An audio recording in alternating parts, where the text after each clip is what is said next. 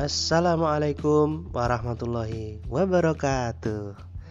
Alhamdulillah, hari yang cerah kita bisa berjumpa melalui udara tentunya, dan kali ini kita akan ngobrol bareng tentang bagaimana nih kita dapat sesuatu yang berharga yang menyegarkan jiwa.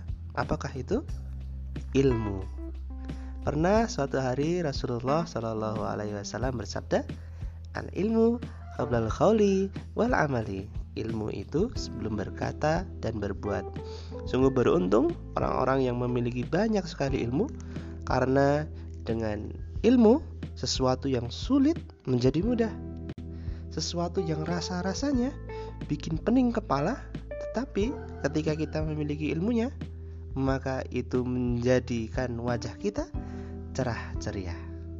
Nah, kira-kira nih teman-teman, biasanya kalau mau cari ilmu, nambah pengetahuan, nambah pengalaman, ada di mana nih biasanya? Nah, ternyata teman-teman, kita bisa berhenti di terminal ilmu. Maksudnya gimana tuh? Pernah nggak nih kita bayangin kalau ilmu itu berkumpul di tempat-tempat tertentu, kita datangi, dan di situlah terminal ilmu dan kita dapat berbagai macam ilmu yang tentu dapat mengasah kecerdasan kita. Dan kira-kira menurut teman-teman ilmu itu ada di mana aja?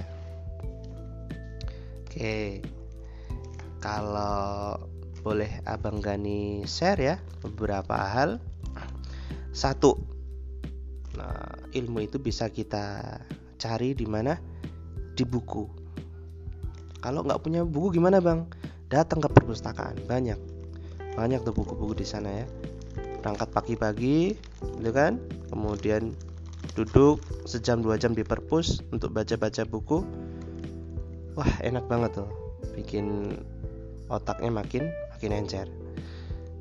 Nanti lama-lama abang jamin ketagihan tuh baca. Karena ketika kita penat, apa namanya uh, bad mood. Obatnya sebenarnya itu nambah ilmu. Karena dengan uh, karena ilmu itu menyegarkan jiwa menyegarkan pikiran. Selain buku di mana nih? Kalau kita mau cari ilmu. Kita datangi guru kita datangi ustadz kita datangi siap sesiapa siapa saja yang kemudian kita anggap mereka uh, punya banyak ilmu. Ya kira-kira kalau hari ini mungkin kita bisa silaturahim ya ke pondok pesantren silaturahim ke rumah ustadz silaturahim ke mana ya hmm, silaturahim ke tempat-tempat kajian-kajian yang di sana guru atau ustadz sudah siap untuk memberikan pengajaran memberikan uh, ilmunya.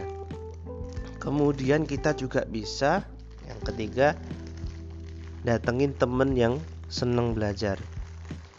Kita deketin nah, kita ambil ilmunya. Memang rata-rata kalau kita punya temen yang suka baca yang suka ikut kajian kita nyerap dari ilmu uh, dari teman sebaya. Mungkin kita juga uh, enjoy ya bisa ngambil ilmu dari situ juga. Kita bisa sharing bisa ngobrol-ngobrol lebih lebih santai lebih leluasa itu ya teman-teman. Nah, semoga tips sederhana ini bisa membuat kita jauh bikin hidup kita lebih hidup lagi. Oke itu. Bye. Assalamualaikum warahmatullahi wabarakatuh